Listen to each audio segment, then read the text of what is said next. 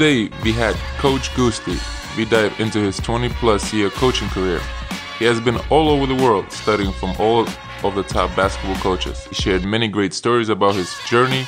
He gave good insight on the mind of the coach. This is Social Chameleon Podcast Episode 3, and we are sponsored by Liggett and Cristal.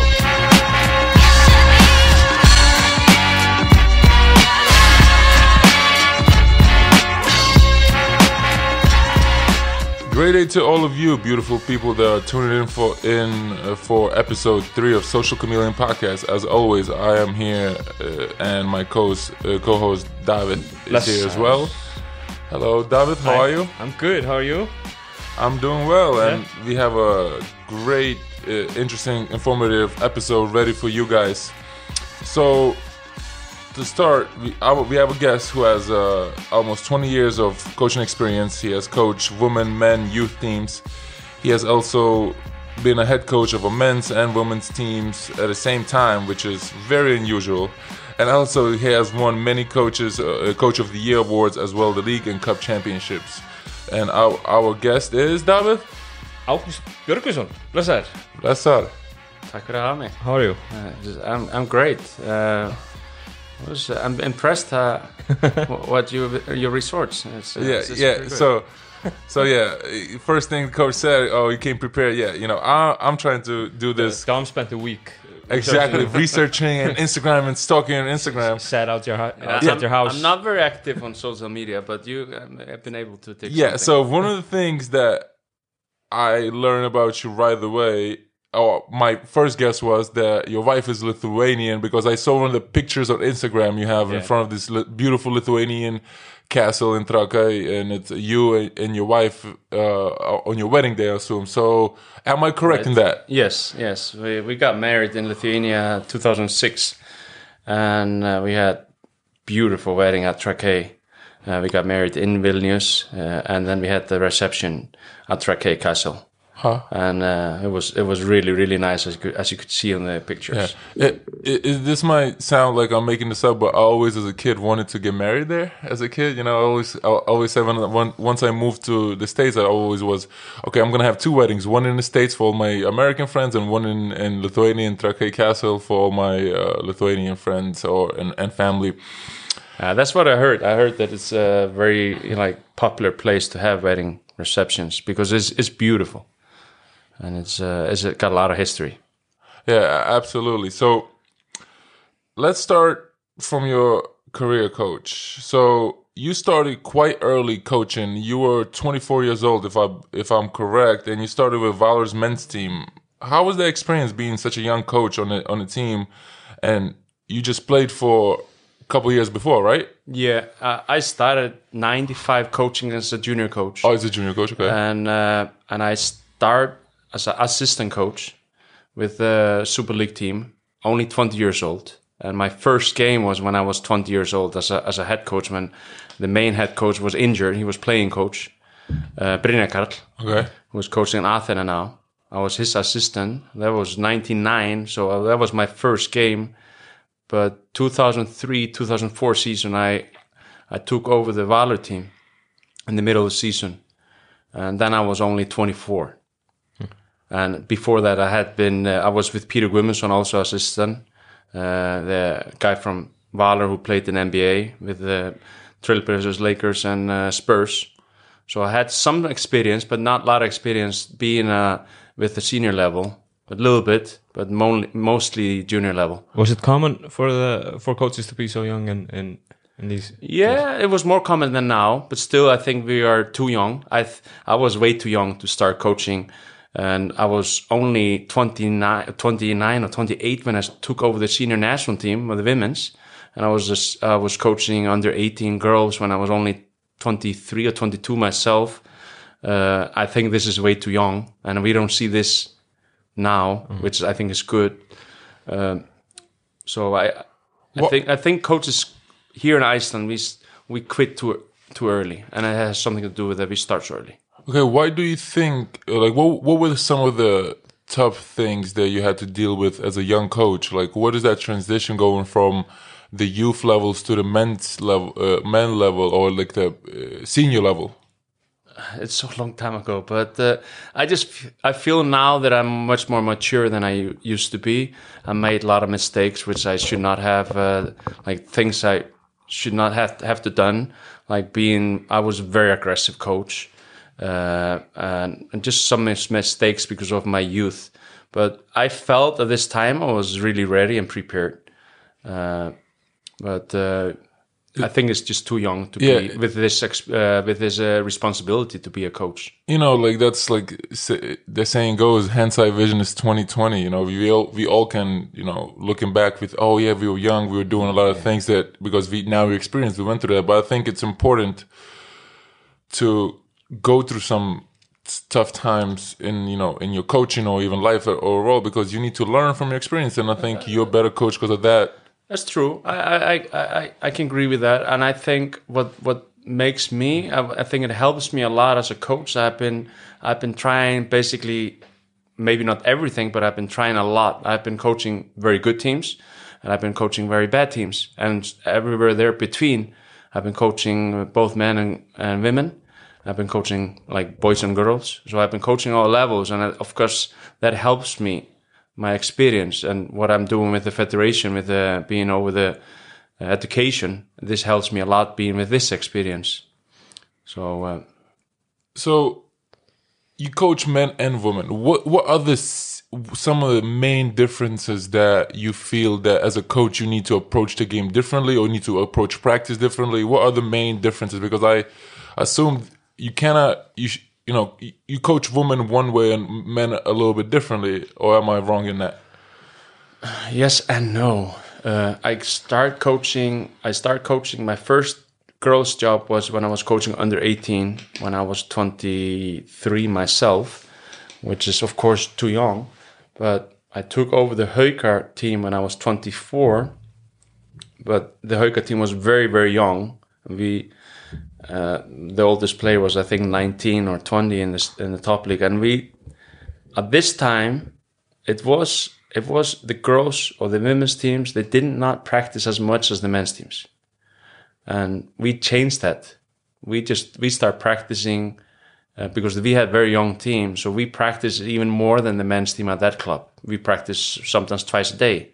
We practice every day of course and um, so my approach to the girls at the beginning was no different than coaching boys no different at all i was uh, really tough and demanding on them and and I felt the girls were very they they really liked that. They felt they were respected, and they really liked that. But maybe I was even too tough. Uh, but of course, we got a lot of success with uh, Haukar this time. Yeah, and I think you know, during my research, I saw that I, I, when you coach at Haukar, you guys, you were bringing success kind of immediately. Your first year, you guys won um, Yeah, uh, uh, a cup, women's cup, a signing women's cup, and then 2006, you guys won uh, we won national the cup, championship, we right? won the cup 2005, and that was a huge surprise for everybody, even us, because we beat Keflavik in the final four, and Keflavik was dominating the women's basketball, and it really surprised us as well. And we we won this game quite big, I think 20 plus points, and I think we were at this time.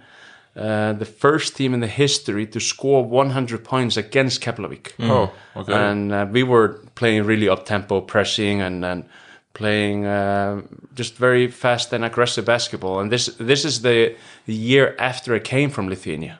okay. I lived in Lithuania one year after I stayed with the Lietuvos Rytas team. Okay, so you okay? Let's let's let's talk about that a little bit. So you went to coach after. When did you coach in Lithuania for that year? Well, that was that was after the, your time with Valur. Yeah, I was I was uh, I was at Valur 2003 2004 year, coming from the juniors here at Valur, uh, and I took over in the middle of the season, as I said before. And in January, we were signing uh, three players, one American and two European guys, and we signed the first Lithuanian player to play in Iceland, Oh, really? and Evaldas Priadokas Okay. who played was a big time player. He was in the end, uh, end of his career. Uh, he played in uh, some of the big teams in LKL, and he came here in January because it was a very short time because the season was supposed to finish in March, and he was he was willing to just try something in the end of his career. So he came here from January and March, and when in the end of the season, I went with him to Lithuania because I had never been there and visited Lithuania, and and I stayed in Lithuania the year after that season uh, as an intern with Lietuvos Rytas, which was uh, one of the two powerhouse Yes, teams in Lithuania. them and Žalgiris. Uh, I remember that at that time they were, I think, a ULEB team. They played in a Yes. oh, they uh, and I think around that time they won it as well. Maybe 2005 or six they won it. yeah, they they were like really the really strong team, one of the better teams in Europe. Yes. Uh, just two years after I was there, I think they were ranked num- top ten in Europe, and they had really big time players Yeah. on the team. They had uh, Javtokas. Ramunas Sis- Siskauskas, Javtokas, they had uh, Macijauskas, I was the year before I was there. Okay. Uh, they have uh, Dickie Simpkins, the American who played on the Bulls team, three time champion. Oh wow. Uh, they had really really good team, and this was what was the maybe the cherry on the top. this was the last season of Arvydas Sabonis, and he was playing with uh, Žalgiris. Yes. So I was just there on the on the on the on the just on the court side. Yeah, with watching every game greatness. and just Sabonis, yeah, that's a and- legend. Yeah, and seeing Sabonis playing his last games. Yeah, and that was unbelievable. Exactly. I remember that as a kid, and it was one of the biggest because I know throughout his career he always wanted to come back and finish. Yes. In, and this will be a little bit like nerdy, but like that year didn't end up well for Žalgiris. If you remember, they lost to Maccabi in the Yeah. top, in the, and the game was already won basically, and then there was a, a three court court pass for the game or game tying three pointer from Anthony Parker. I think he hit it, and then they Žalgiris ended up losing to Maccabi in the in the overtime, and then they followed up and won EuroLeague. So that was the year that everybody's like blaming this one player, Gustas, who missed two free throws. It was, I think, the, Getris Gustas was the point guard. exactly to put him up four with like last before that shot, and he missed both free throws, and then his career went right down after that because everybody hated him for a while. Uh, yeah, they were kind of tough on him. He, and of course, he was playing with the uh, with their with the national team and won the European. Yeah, the Euro- 2003, yeah, 2003. in Sweden. Uh, but uh, that Žalgiris team was really, really good, good with uh, Tanoka Beard, at Kotas. Uh, Yeah, that, that's one of the best European teams of all time. Yeah, they were really good. Of course, uh, uh, Sabonis was uh, getting old. I mean, he was old. he was Uh, like 40. yeah, he was. Uh, yeah, of course, he was forty, but still, he was was one of the best players. Yeah, he was. the A, court I'm pretty sure, if I remember correctly, he's, he was the MVP of the regular season and MVP of the the second round play before they lost. He was, the, uh, and and that year I think he was MVP of the Lithuanian league. The efficiency was just unstoppable because he was kind of what Boban Marjanovic was when Boban was playing Yeah. in EuroLeague. Is just if the league is built, if the team is built around that type of player, how good they are, then it's easy for them to dominate because they're just so big. I think Sabonis is around two meters twenty two. Yeah, it, I I think it's just very hard for people to really realize how good of a player uh, Arvydas Sabonis was. He didn't play in the NBA enough. It, it was just an end He of came- his kind yes, of an he end of his career. Yeah. He came too late. Yeah, he, And he made an impact I- though in '96. yes. So '96, I- 7 I'm- was it? Yeah against Sure. he was kind of he got gave pro, uh, some big problems. Yeah. and I think uh, Sabonis older would be uh, definitely one of the top centers in the history if you've ever come in there. 18. Uh, Yeah. It's funny because my dad, obviously, he grew up watching Sabonis. He was always, he's a big fan. And he said it like at 16 and 17 years old, he was playing with like a two, three national teams. Yeah. The second, I think he joined the Soviet Union national team at like 17 or 19. And they won the, one of the cups in South America. Like the, you know, there used to be so many tournaments and he was just dominating so much. Obviously, the game was different back then. But if he went instead of being a, born in Soviet Union, you know, where Iron Curtain and he couldn't leave as easy as he would have Exactly. could have. If he went to NBA at 18, 20, or even maybe 25, he would have been known as one of the greatest players. You know, top 20, top 50. Like, but yes, he's in Hall of Fame, and people, you know. Think he, he was really good, and his son. It was like, yeah, his son is better. I'm like, I don't think his son is better no, he's not there yet. yeah, exactly. Not Sabo- quite. exactly. Sabonis is He's a great player though. yeah, he- yeah. The the young Sabonis, Domantas, he's a really good player. And Made the All Star last year. two years in a row. Two years in a row, yeah. Two years in a row. And I think it's uh genetics a little bit, and you also have a, a father. It's so funny if you look at their family picture, everybody looks like normal, but then you realize they are all above two meters, and then Yeah, yeah. because you see the wife, the Savone's wife is little, but all the kids are around two meters, even the daughter's around like one ninety five or so. So Yeah, they have what seven children? I don't know, four or five, yeah, a lot. Yeah. Only one, only one or two of them made into like a. I think his his one son is my age, and he played a little bit in Spain, AC, ACB, uh, and second league in Spain. But now he's a assistant coach for Žalgiris. So going back to you bringing the first Lithuanian to the league, so all Lithuanians now have to thank you. So thank you for allowing you know bringing in the first Lithuanian because now every year we have three or four Lithuanian players in the league. I think even this year, uh, right now we gonna have four or five this year, I believe, and last year was a similar situation.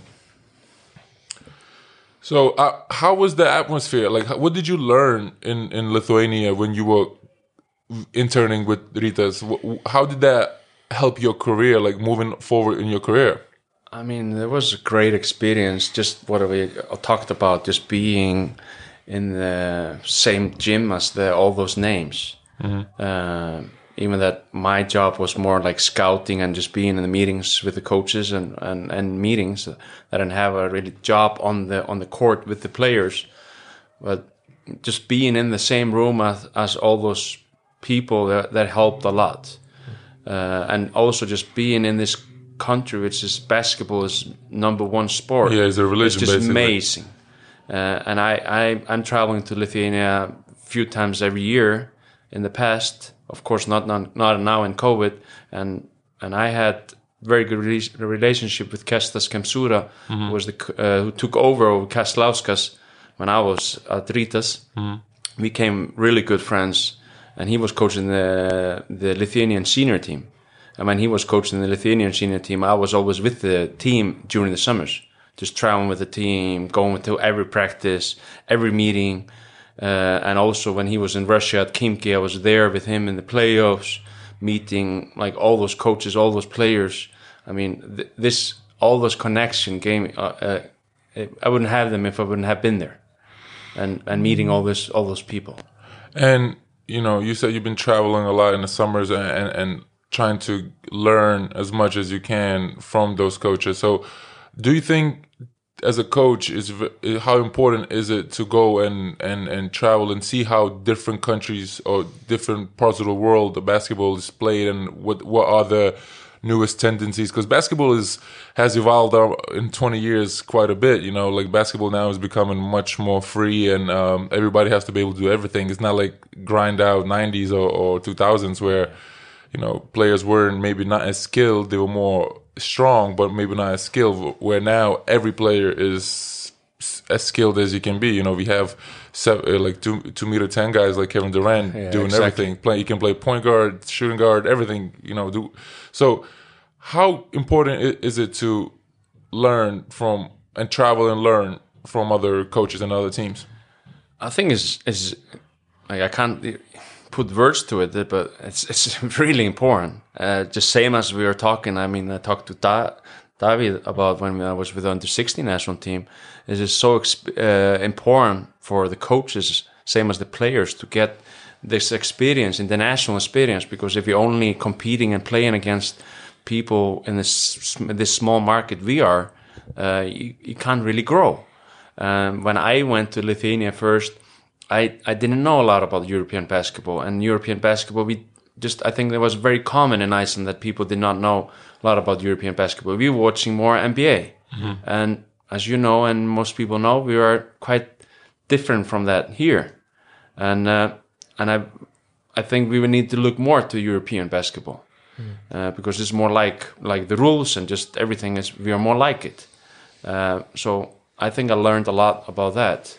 But of course, I was also big fan of college basketball. I was watching that a lot before I went to Lithuania, and still, still, uh, I'm not as much now, but I, I was watching college basketball a lot for uh, 20 years. And that helps scouting as well, right? Because you were coaching Valur for quite a bit, so you could, oh yeah, I like that player. Let me see when he graduates, Yeah. and you know, I can I can get him to Iceland.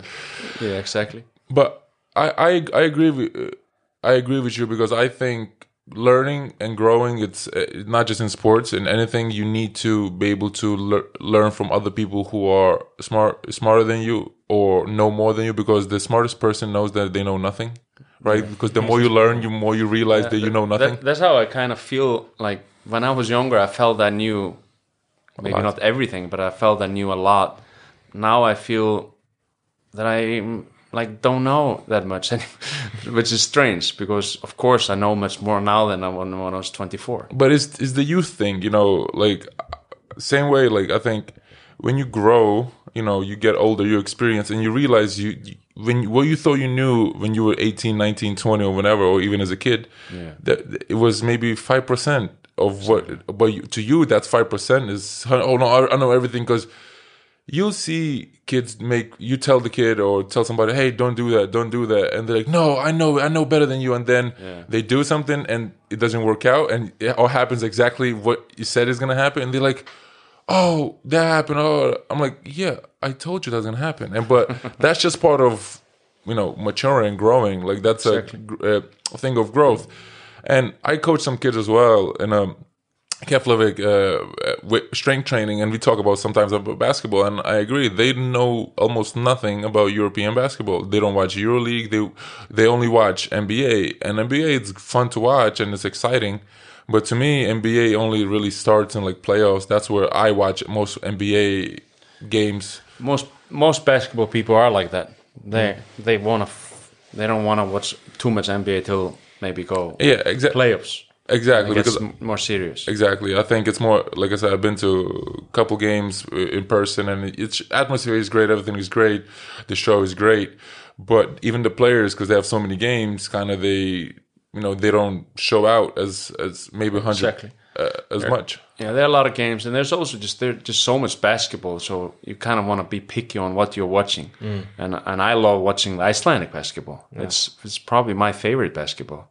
I know it's not the best, but it's I really like Icelandic basketball. Yeah, I think a lot of people feel that way, especially since uh, since since they have been made uh, been made able to see so many games as they have seen Yeah. in, in the last couple of years, thanks to thanks to Stöð 2 Sport, Yeah. at showing uh, many games each week. So Yeah, I know. Like they show Liga Endesa, the ACB, because Martin Hermannsson and, Yeah, yeah. and Tryggvi, and I think, I think, all the basketball anywhere you play in the world, you can learn. Watching, you can learn something. There's different styles of basketball. Like Lithuanian basketball is different than Spanish basketball, but in EuroLeague, in it's basketball is a. Each team has identity. Each country has identity of how they. Each coach has identity. You know, like a good coach is like, hey, okay, I'm gonna try to figure out with the players I have what we're gonna be. You know, like my college coach would say, okay, guys, I'm gonna throw a lot of stuff at you guys and see what sticks. Maybe we're gonna be a pressing team. Maybe okay, we, maybe that doesn't work out. We can't be a pressing team if we have guys like Dom who's slow like me. You know, like pressing team with me. Like uh, oh, oh, another funny story.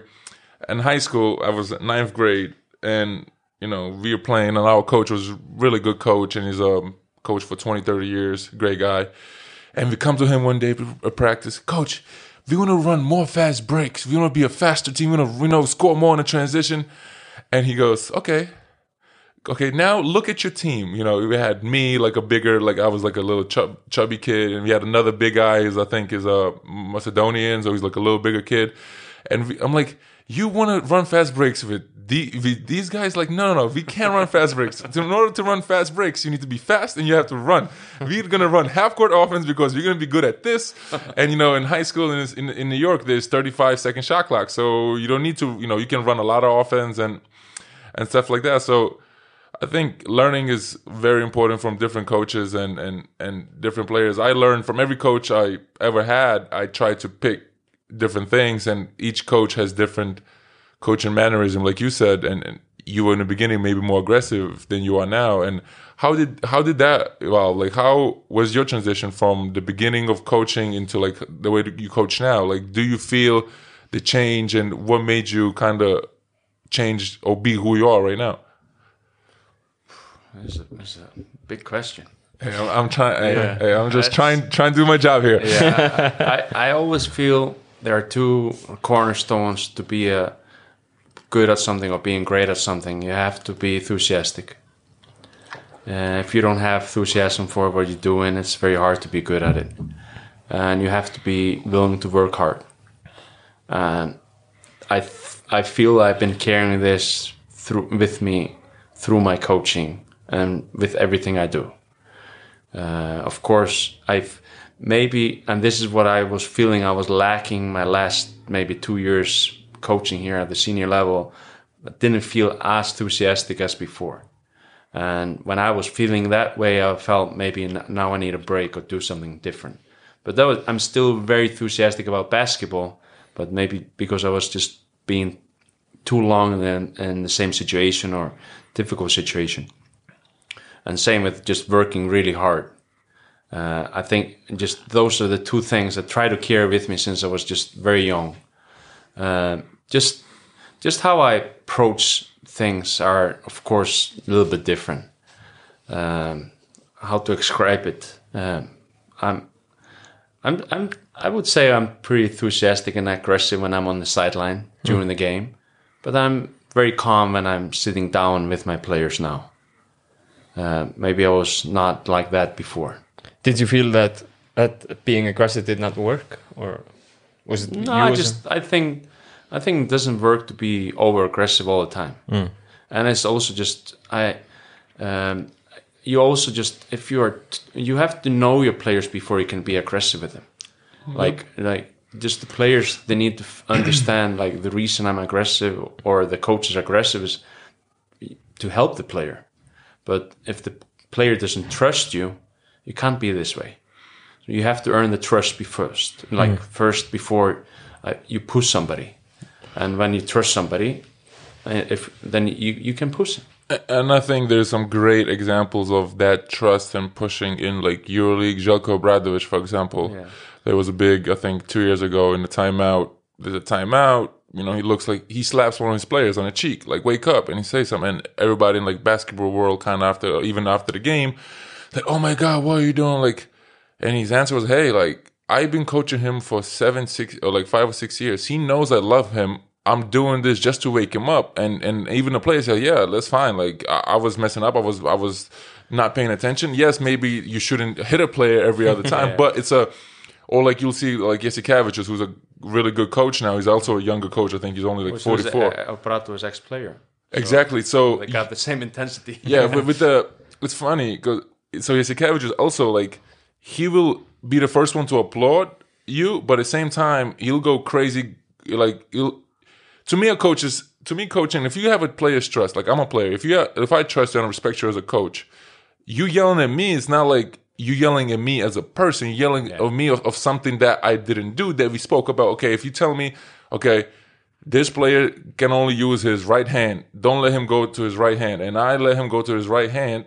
I messed up and you're yelling at me. I know why you're yelling at me. Like sometimes, like, I'm not gonna be like, no, no, no, you're correct. I'm getting yelled or I'm getting uh being I messed up. So it's okay for a coach because you are just trying to keep yourself uh, yourself and the team accountable. Because if you let me exactly. It's, it's uh, accountability and if we all know we work towards the same goal and and that's what's going to take us to get there that's where it's going to take us you know? But then after a, a practice hey coach i don't understand you know and you can talk it out but basketball's so emotional. It's an emotional sport.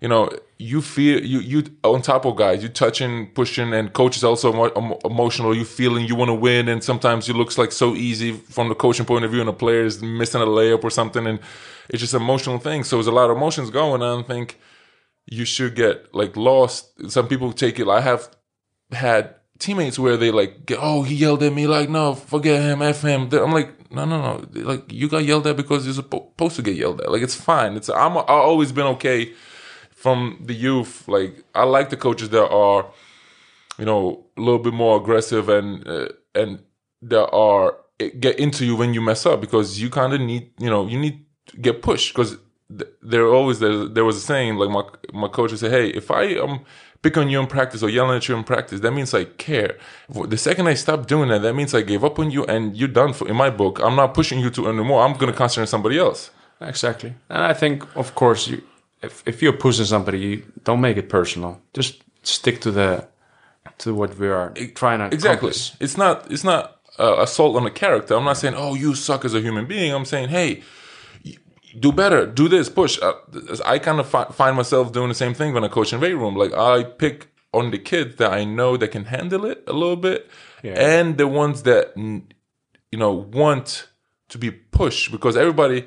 I believe is this coach's job is to put a player in a position where they can be successful. And in practice, if you're not if you're not practicing hard or you're not pushing yourself past the limit, because everybody as a human, we have limits, right? We think, oh, I can only do 10 push-ups.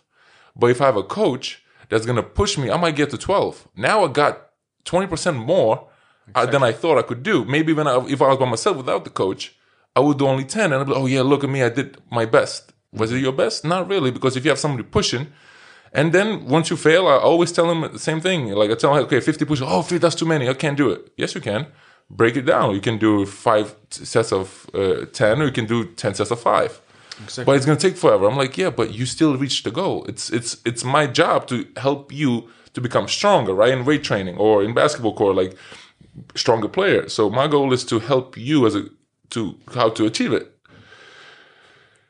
Okay, so move, moving on, coach. So yeah, we, tend to on this podcast we tend to go on tangents. That's one of my strengths is going on tangents and, and talking about a lot of other stuff.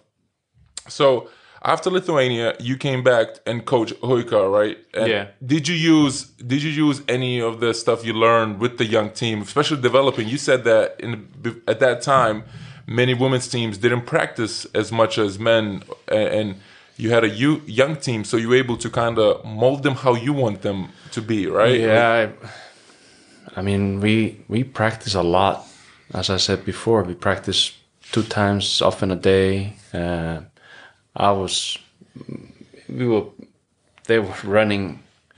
And I think I, that's I don't know, they they run till they puke. Yeah. it was like this kind of stuff, which I don't do anymore. Yeah. You had but, that- but they were like if they lost the game, there was a practice six o'clock in the morning. They would run till they would throw up. yeah. Stuff like that. Which that sounds- not maybe not Yeah. smart. That sounds just like uh, either college, the well, experience in college, or uh, Serbian, that part of the world. uh, but they, they were this age too. Yes. I don't think this would work if I would be coaching you, for example.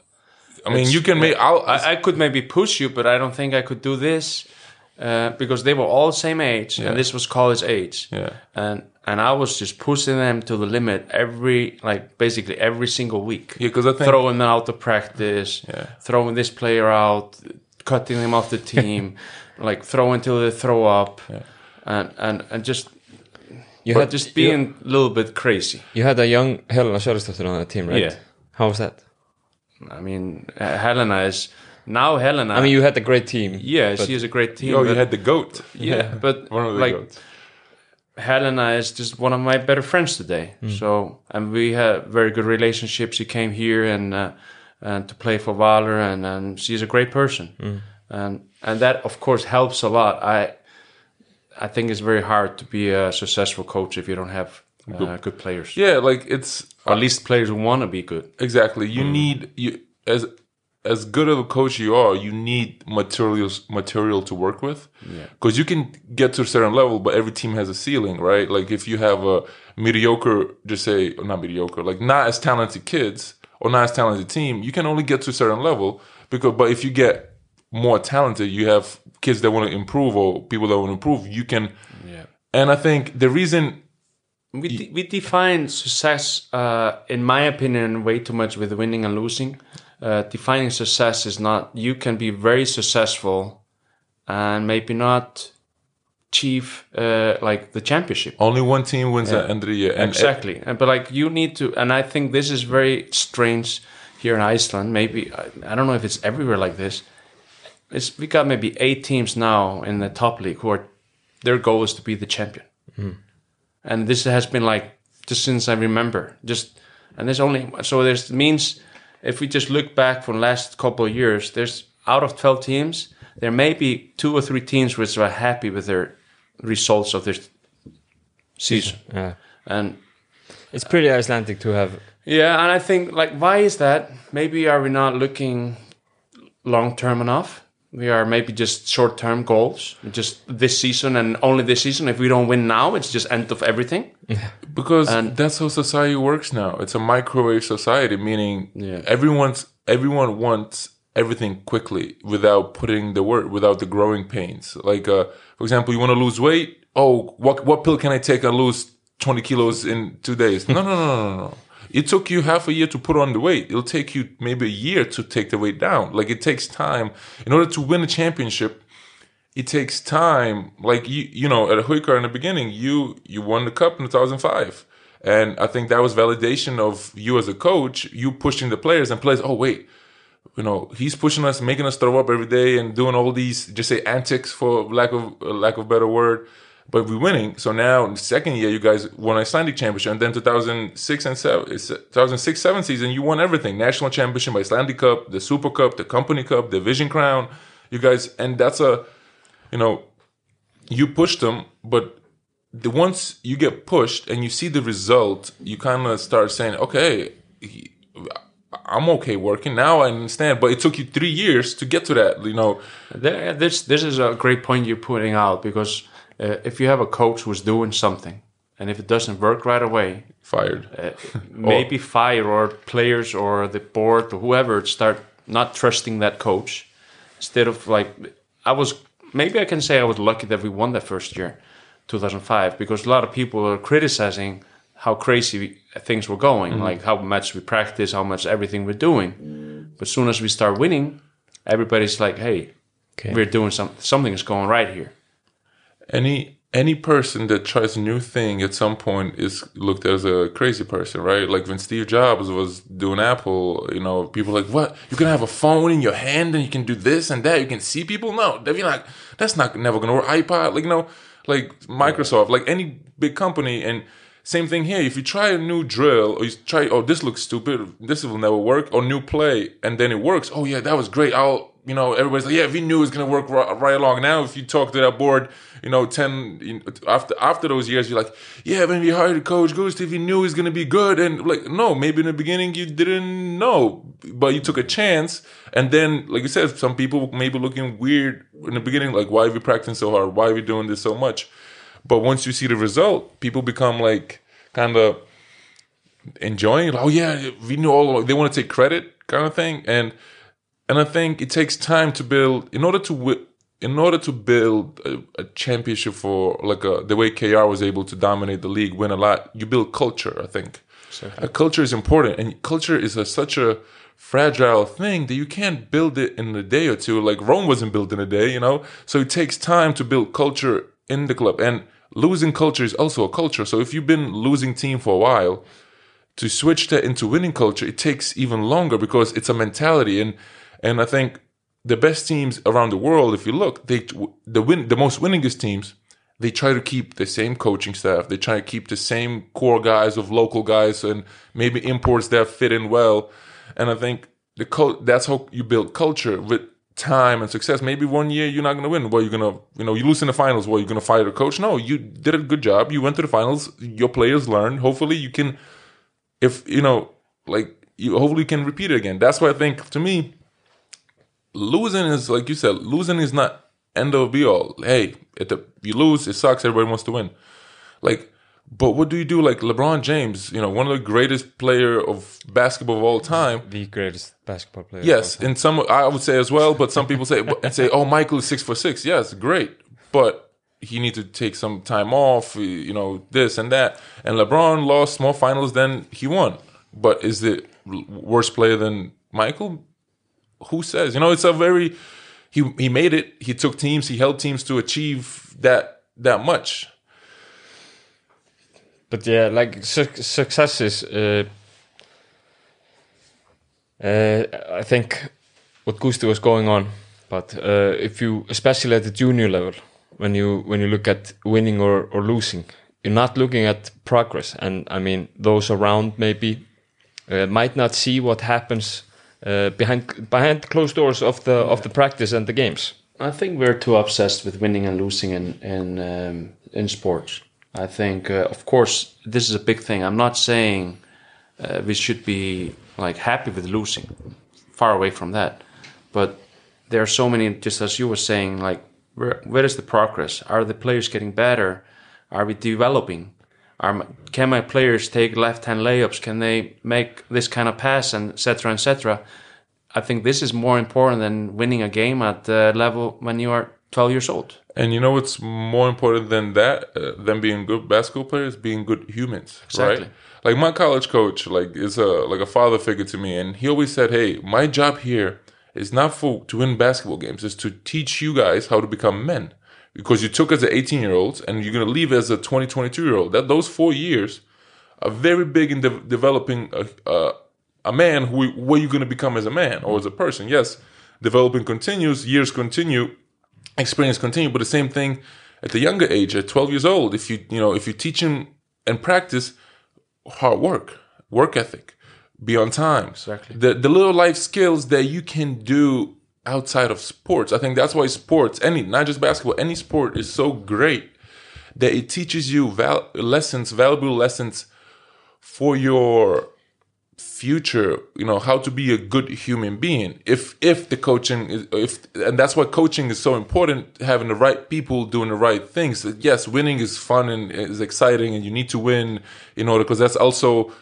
a motivator to for the kids you know. But are they becoming better kids are they becoming you know Exactly. like I went to high school where if you don't get certain grade, grade point average, you cannot be on a basketball team.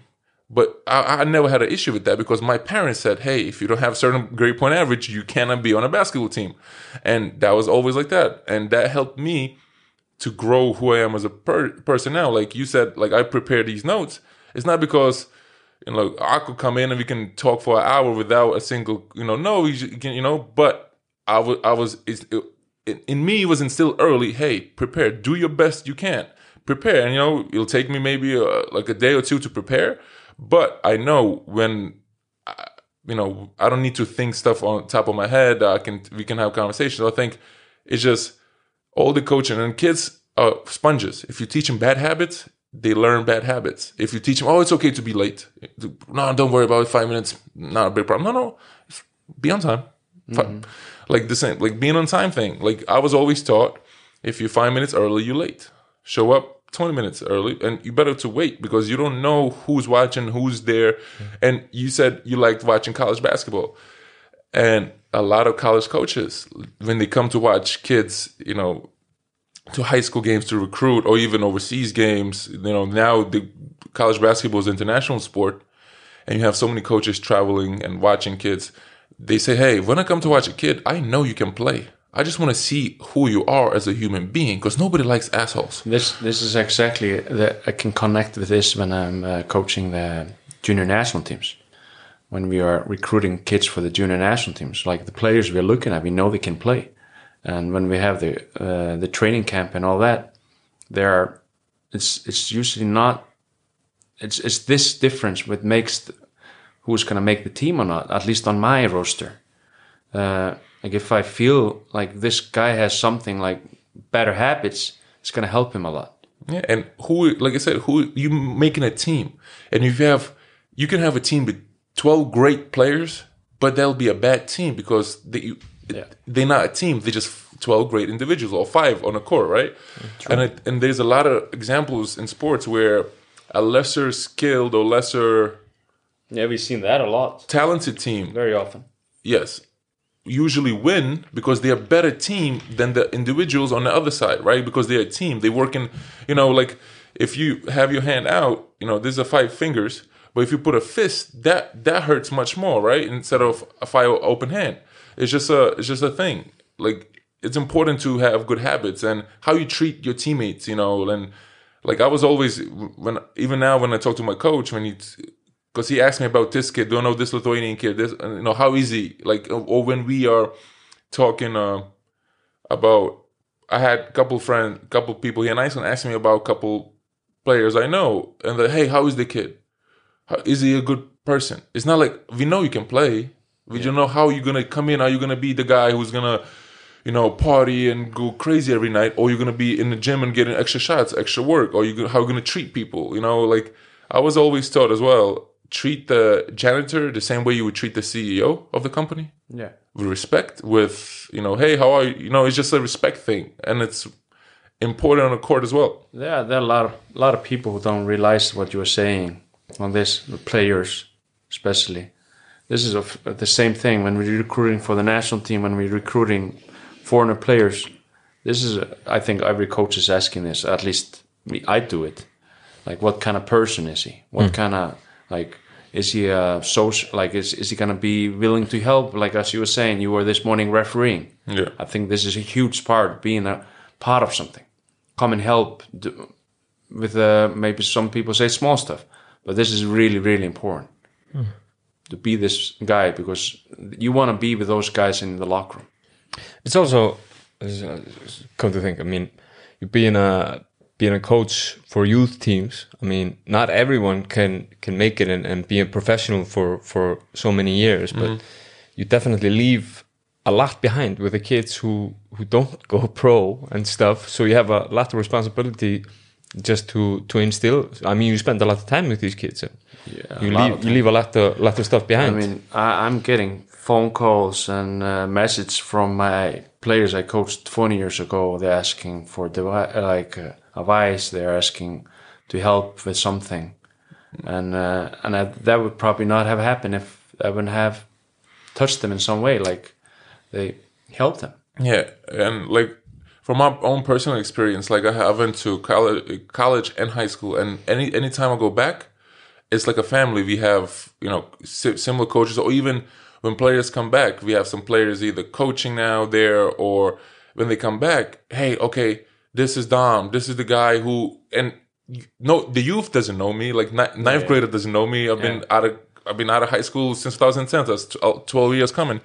But the first thing they come, hey, he's part of family. He's Christ the King, royal. Like this is loyalty, family, and that's what we te- teach. And same thing in college. You know, I go back and hey, you know, they always accepting. You know, as as a as a family because we we had coaches in both in my both cases had coaches that made it about family being the good eh, good person and being the right way. And and they left a lot in me be- because you spend you are spending so much time with the coaches. And till this day I don't call my coaches by names. I call them coach. Hey coach is that it's like a respect thing. And it's so weird to me actually in Iceland everybody calls each other by names. yeah.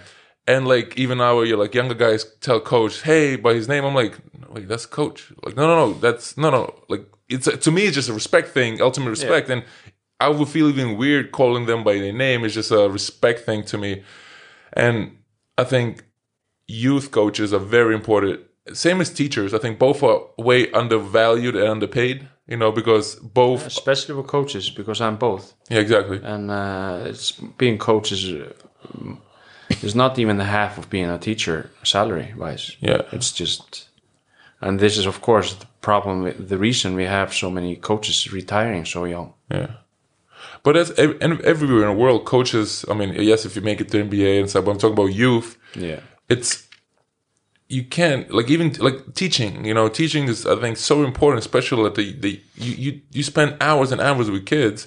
You like I said, you cr- creating habits, and if you're underpaid and you kind of don't want to be there as a as a teacher, it's very hard to motivate the kids. And I think that's where at least now American uh, school structure is kind of like failing, falling behind. You know, like U.S. used to be one of the top countries in you know in all the leading world in reading uh, science. Now I think they like thirtieth, fortieth, and they're falling behind because there's so many kids that are getting left behind because teachers are underpaid and and and and that's where the averages go down. Yes, there's great schools. Don't get me wrong. There's great teachers at great schools, and where, but at the same time, the, the majority is not getting as much as they should, and I think that's a big issue, not just in Iceland. I think it's an issue mostly around the world.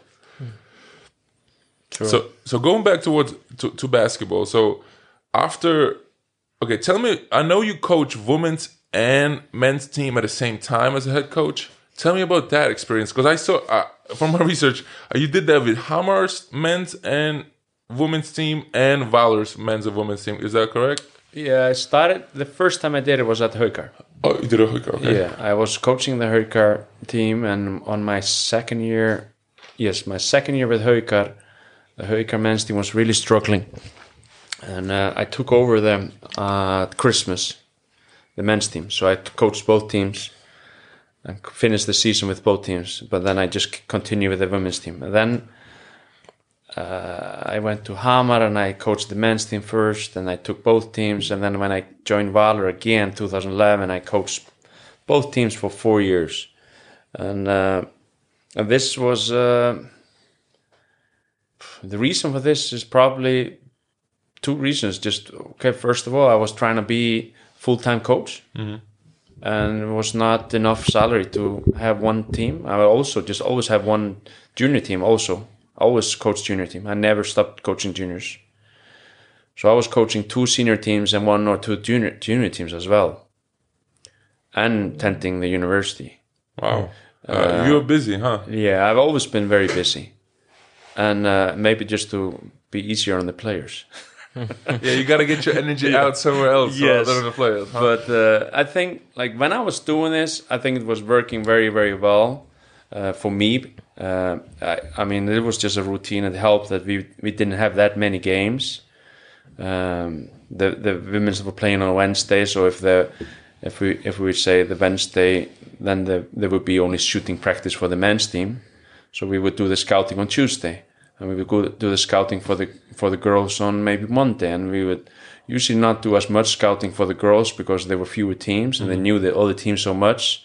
So we were not going to spend as much time on scouting because they would kind of they would just get very bored of talking about the same team over and over. So it was so so it's kind of routine and it was. Um, I don't think it's ideal, but it it was not. It, I th- I think it was. I, liked doing it both. Was there ever in a game you like run, t- telling them, okay, run five, five, and they they co- the, the players look like, coach, we don't have five, and then you're like, oh man, that's from the men's team or the other team. You know, they were coaching like you forget Uh, I- the plays or I kind of, uh, I, th- I, I, w- I'm, I'm very like I'm planning everything. I, I'm plan everything to the detail, uh, and with all my system playing calls and all that, I have like a system on it.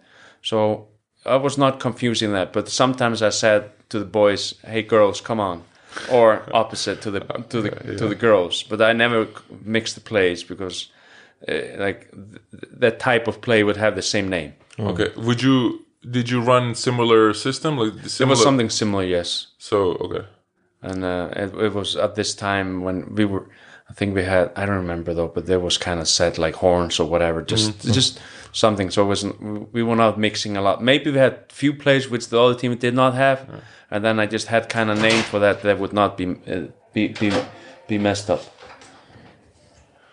What about um, how has the how how do you think has Icelandic basketball evolved over the last twenty years? You've been you know here you've been coaching for twenty years plus. So from your point of view, what what what you see what you think is the main like change since just say two thousands to now to twenty twenty?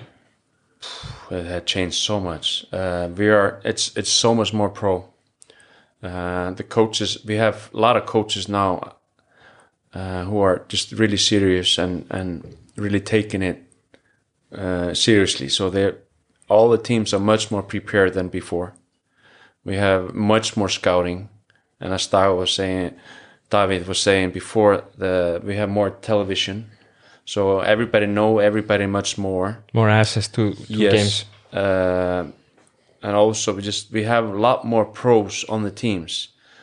Before there was none of the Icelandic guys were pros, but now we have like on Keflavik, Hörður is pro. We have here at Valur we have Pavel, we have Jón last year. They they only play basketball. Those guys, Christopher Acox, Kári. They only play basketball. If they do something else, that's extra. But basketball is number one. This was not the case 10, 15, 20 years ago. No. So this has changed a lot. And of course, this makes everything, uh, players are more skilled. They're better. Uh, I think the coaching is better. And I, and I think it should be better. It should get better. I hope the coaches, the players I coach, they will, if they compete, com- to be a coach, they will be a little bit better than me, hmm. and then each generation is going to be a little bit better. We've had a lot of change in import player rules. Yeah, because I uh, know there was years where there was only one allowed, right? And then years where Going back and forth uh, a bit mm-hmm. for the last decade or 15 years. How do you feel those changes have, have impacted I- Icelandic basketball? It's a big question. Yeah, be, before when when I was starting coaching, we we didn't have like we could have one American and then we can have as many Europeans as you wanted. yeah, like it is now. But Yeah. there was not like now. Like it was most teams. They like I think we were just more.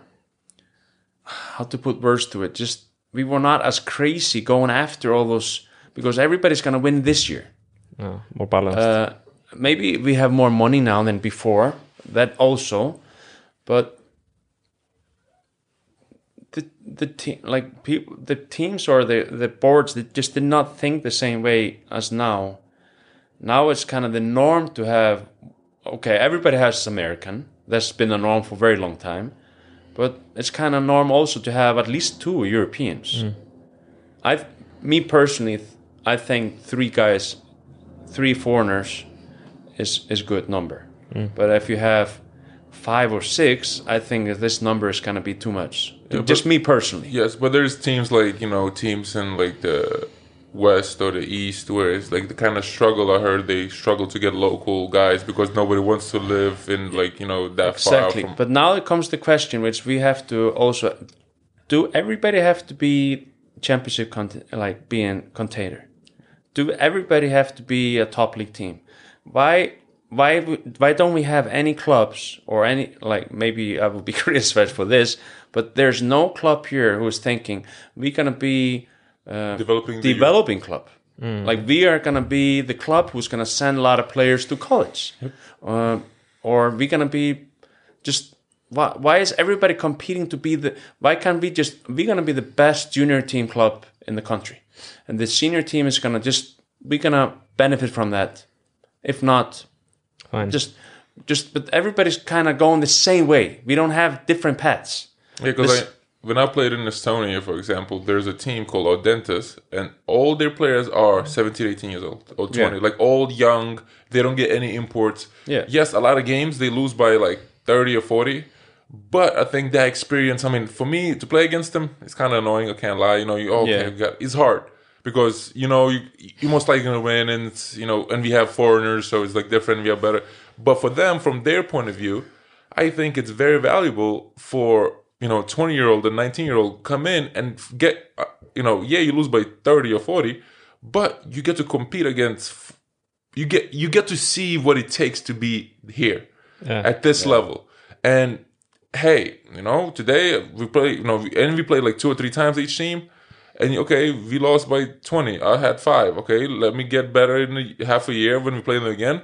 You know and it's a it's a developing and it's a tool to develop. Like you were saying i think it would be great to have a team where you have a lot of younger guys who can develop while playing you know. But of course that will cost money and the boards you know a lot of people like you said earlier they everybody thinks about winning not about developing or developing for the main club or for the national team I, I feel we have just few teams with uh, some identity. Uh, just like as you are explaining, we have we don't have this kind of type of club in Iceland. Who's as you explained, we don't have a club who is like we are gonna do this. Um, I, c- I can only think of one, maybe, in the past couple of years. Uh, Selfoss. yeah i was yes, gonna but say they Selfoss. signed Gerald Robinson, who was Oh, yeah, they, they did. So, Uh, so, uh, but kind of. They yeah, this is what me and Chris, of course, we, Chris and me were working on the 16 team, and now this is what I was telling Chris, uh, the coach of Selfoss. Uh, you are in perfect uh, position to be this kind of different club. Be like be something different, and this is what I did when I was coaching Hamar. We we knew that we didn't have a very talented team. We didn't have the same budgets than everybody else, so we sat down and said, "Hey, we're gonna be different." Okay, in what way? We played only two three zone.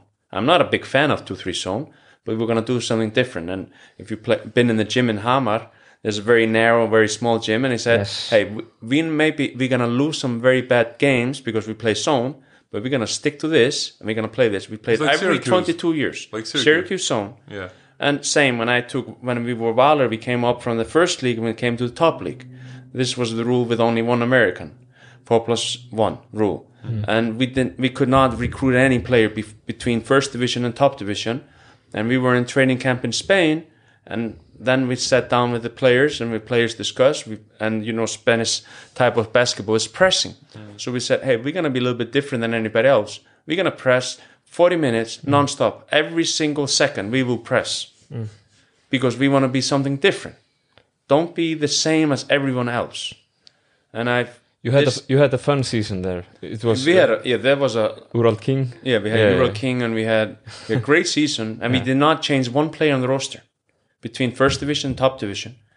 Uh, we barely missed the playoffs, but we we did something different, and we were trapping. We were half court trapping. We were doing something which okay you see this, but we don't see this a lot, and we are I think the same with the song. Yeah, I think in Iceland, from my like from what I heard in stories and stuff, a lot of teams try to mimic what's working for other teams. Yes.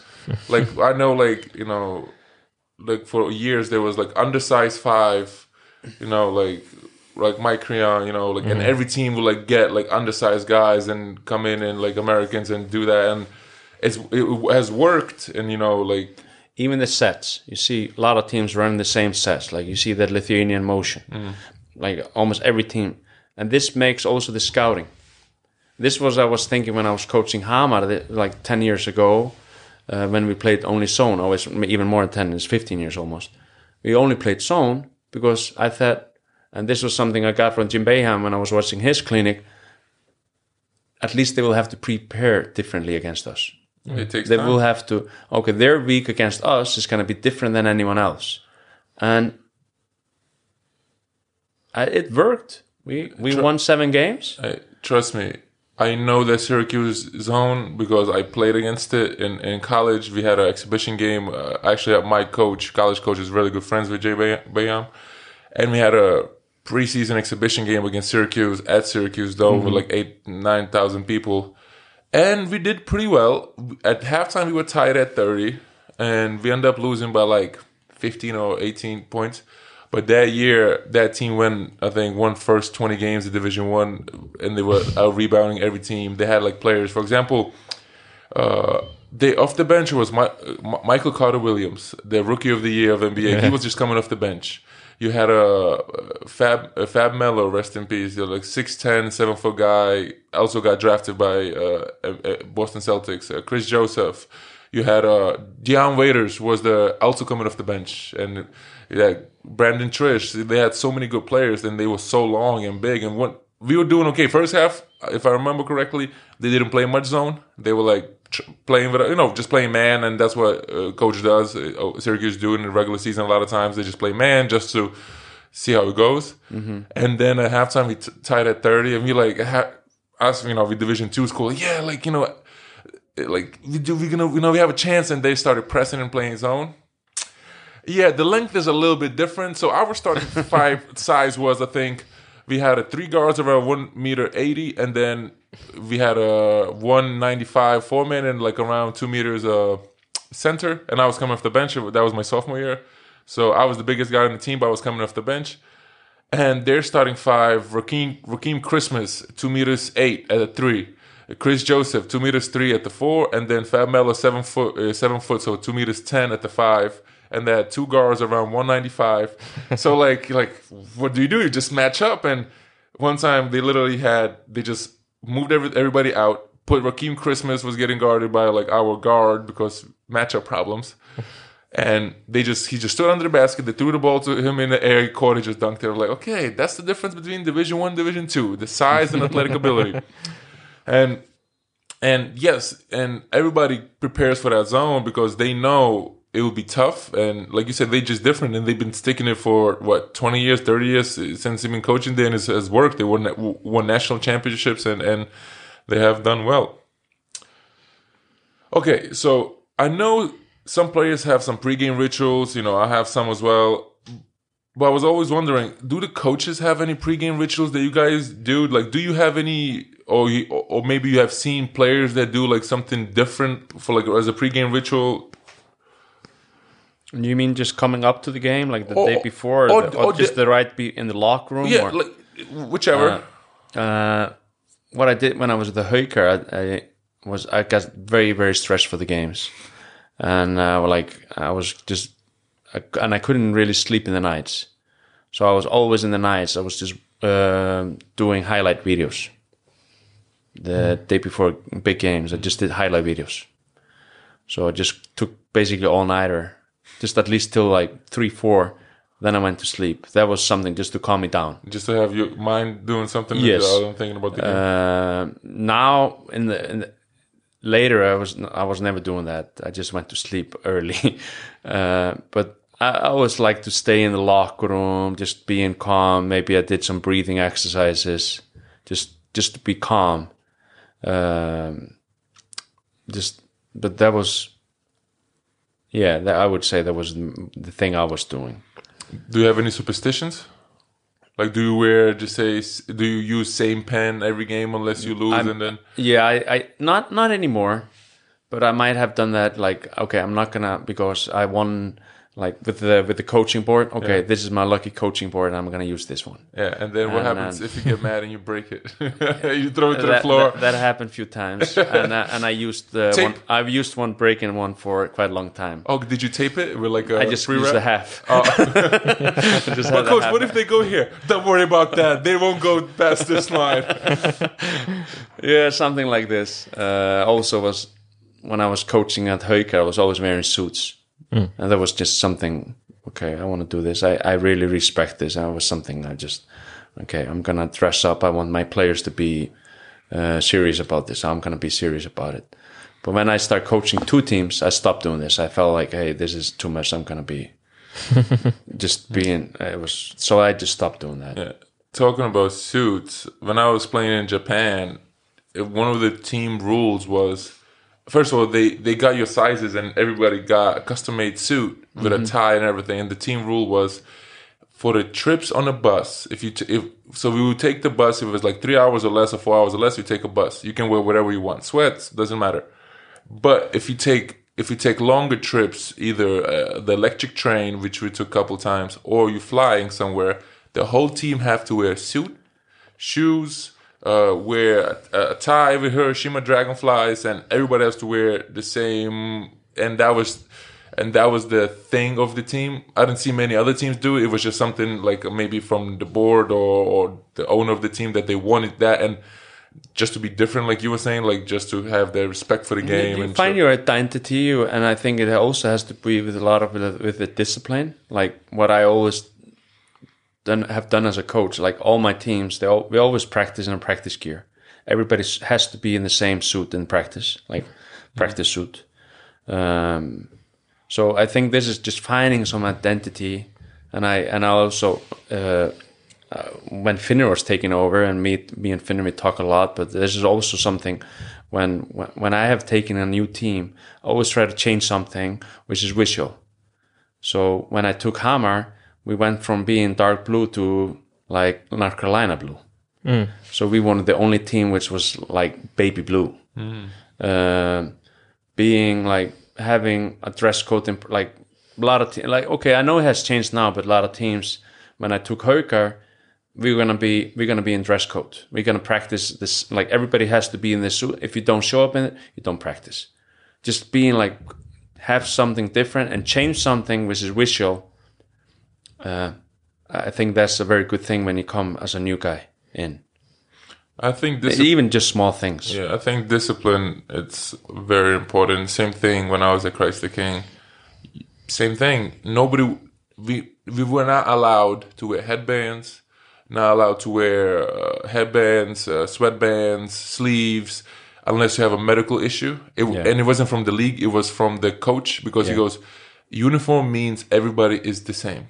No one is better, no one because a lot of a lot of people like look at NBA. A lot, a lot of people copy NBA uh, and and you know and the highest level and it's self expression, right? You wear headbands, some guys like this, and you know different this or that. But in order to discipline is also important. Self expression is important, but when you're part of a team, you sacrifice. In my opinion, you have to sacrifice a little bit of your own like self expression or your, your yourself in order to put in the towards the success of the team, right? If you know, if somebody you know, if, if you like you come to the team, you know, one team your role was this. You come to the new team where the coach changes, and you're like, no, but I was taking 15 shots a game. I want to take 15, but like that's maybe not the best thing for the team, right? You have to sacrifice. Maybe you take eight shots now, and you see now, like in NBA, a lot of guys are speaking up of, no, I want my money, I want this and that, because it becomes about in, individuality rather than the team. But with the teams that are the most successful, usually you see you don't hear that complaining or pe- people talking about the money trades or anything like that. It's about the team as a unity, as a uniform unit. Yeah, I got all this uh, when I when I was a young coach. I had the chance to go and coach in uh, Duke basketball camp with uh, Coach K, and so a lot of this stuff I was picking from there. And then I got a big fan of John Wooden, of course, Yeah. and just coaching in the states in those camps when I was young. I was like 20 when I went first.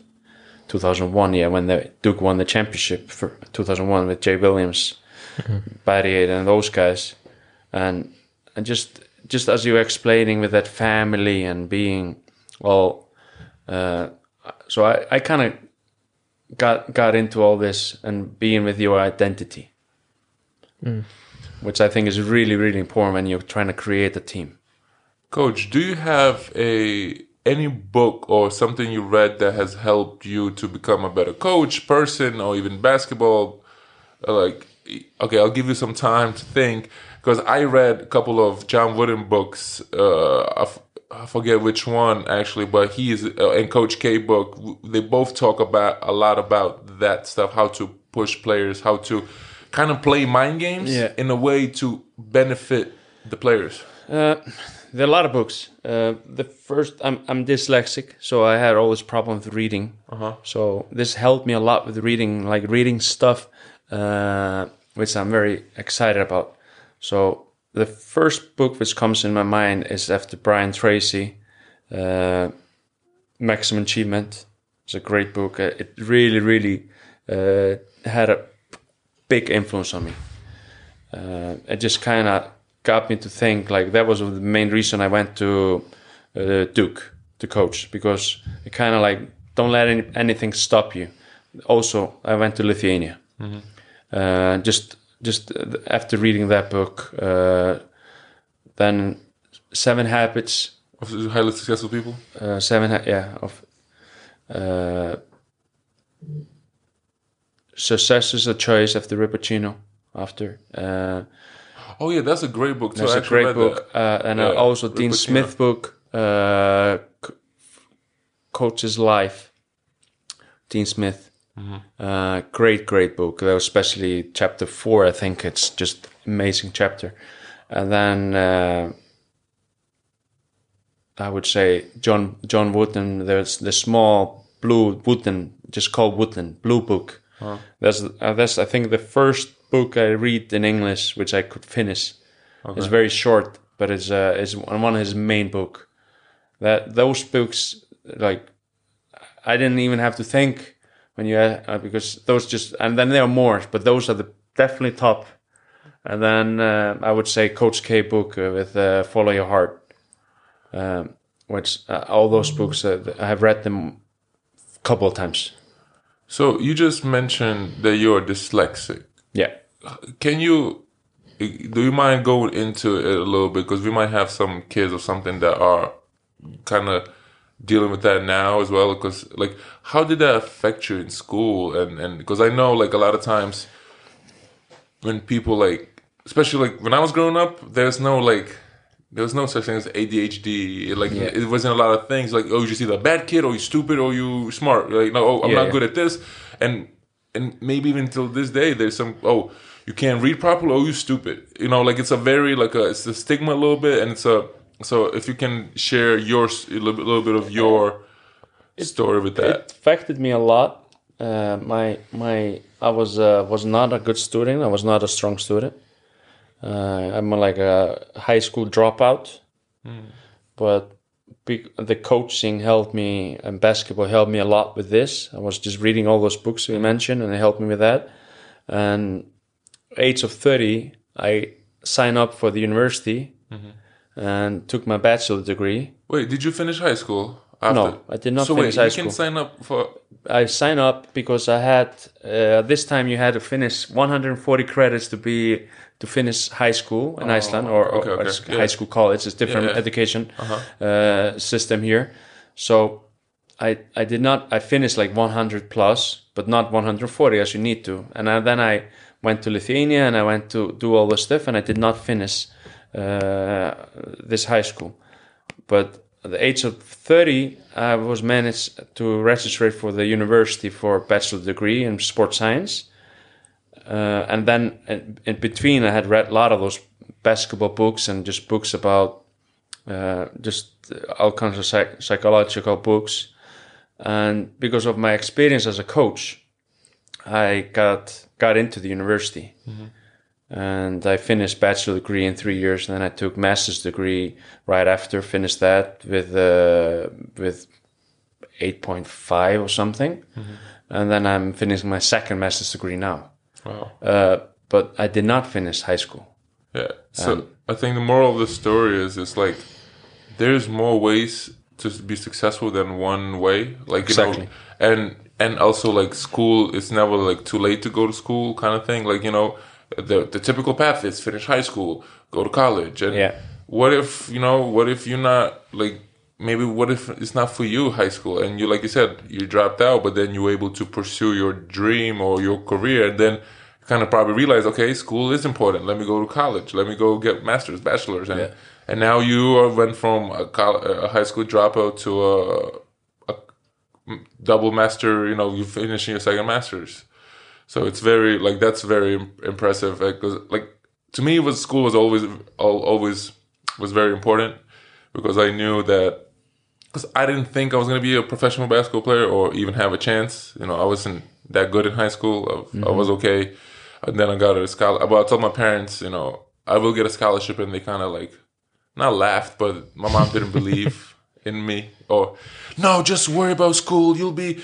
I want you to be, you know, in school. And, I'm like, no, no, don't worry. I'll get a. I'll like, no, you're not gonna get a scholarship. And then when when I was graduating, I had five Division One offers and a couple of Division Two offers, but I ended up choosing going to St. Rose, a Division Two school, and mostly that was because it wasn't because you know I thought I was not good enough to play basketball at that level, at the Division One level. It's just it was low Division One level, so there usually the way it works, you get there and then the coach either gets fired after a year or two or moves on after a year or two if he's successful. And then you might get stuck being you know usually in the beginning you sit on the bench because you have earned your stripes and unless you're really good. And then if a new coach comes in and they tell you hey okay dom we like you as a player. You know we like you as a human being. You're a great dude but we don't want you here as a player. Leave. And i don't want to be caught up in that like changing schools and transferring because each year there's like a couple thousand kids transferring in and out of uh, Division One, Division Two, and and when I met Coach Beaury, my coach, he was very, like I said, like right away, I felt like a father figure, and I, I felt it was the right choice for me. But I was able to do that uh, to get my master's and bachelor's at the same time as well, while while because I I knew that like basketball is great and but to me it was like okay use basketball as a tool. I think that's one other important, important mes- message i would like to like people to like learn. Like basketball is such a powerful tool if it's used correctly. Like you can use basketball to travel the world. Like you'll be able to go to different countries and experience different cultures through basketball. For me it was like hey use basketball. You get a free scholarship. Get your get your masters as well as bachelors. I think it's a great point what you pointing out now, it's, and I think players really need to think about this. We got a lot of players now in Iceland who are playing as a pro, but they are not thinking of their education. Then they, when they retire as basketball players, what are they going to do? So I think it's really possible to, to take care of the education, and also just as you're saying, like use the basketball as a tool to experience things in life, and um, and basketball help, have helped me a, a lot, and it can help you a lot if you use it the right way. Yeah, and uh, hundred percent. I always think like I'm always been the guy who thinks about the future. Like you know, I I want to want to I want to have make sure I have something after basketball because for for a long time I like I said I didn't think I was gonna be a, a pro or a basketball. I have a chance to play basketball as a, at a professional level, probably up till my junior year, my third year in college. After that year, I played really well, and I started, agents started reaching out. And then I was like, and even then, my mom was like, "No, don't go play pro. Go get a job." And you know, I'm like, "Mom, I can get a job when I'm 30, 35. You know, like, but basketball is a, such a s- short Yeah. window." And let me use, and I, that's what I've been try, trying to do most of my career: travel the world and and use it. And You, you're using your education now and uh, working at the hotel, Yes, and I, I- think this is a great thing, uh, which I think we need to see more players think of because you now you're, of course, as you said, you're not going to play basketball.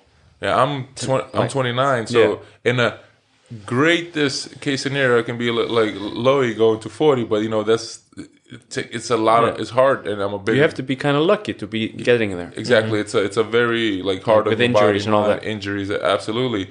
And for me, it's like the reason I started. I wanted to work. Like it's a choice to work. I can be like a, just playing basketball. I'll be fine. I wanted to start working because I want to start developing my resume, my Exactly. after chapter. What's gonna, my next chapter? What's gonna happen then? You know, hopefully I can play basketball till I'm 40. But guess what? Even after 40, there's still another at least 40 years to live. Hopefully, you know. So what do you do then? And let's be honest, like playing in Iceland or most of Europe, besides EuroLeague, you're not gonna make enough money to live rest of your life. Kind of like it would, you're not making It's kind of just month to month yeah, job. Yeah, he's not making you, you know you're not making forty million life changing uh, contract deals. You know, it's a, it's a different salary type, but it's still great to even have a chance to experience it. And I think Yeah. travel. I think it's a great thing what you're doing. Like you're you're building your also your career after after basketball and just getting experience. Is, uh, I think is a I think this is what players need to think of, and and also when players are they, we talk a lot like should should you go to college or should you go Yeah, that and was my play next. That was my next in. Europe? Uh, You have a lot of players right now dealing with that question. Yes, and I personally think, uh, like you need to think of your education. Um, there are a lot of pro- there's so many programs in the states which are not very good programs, but the same thing is in Europe.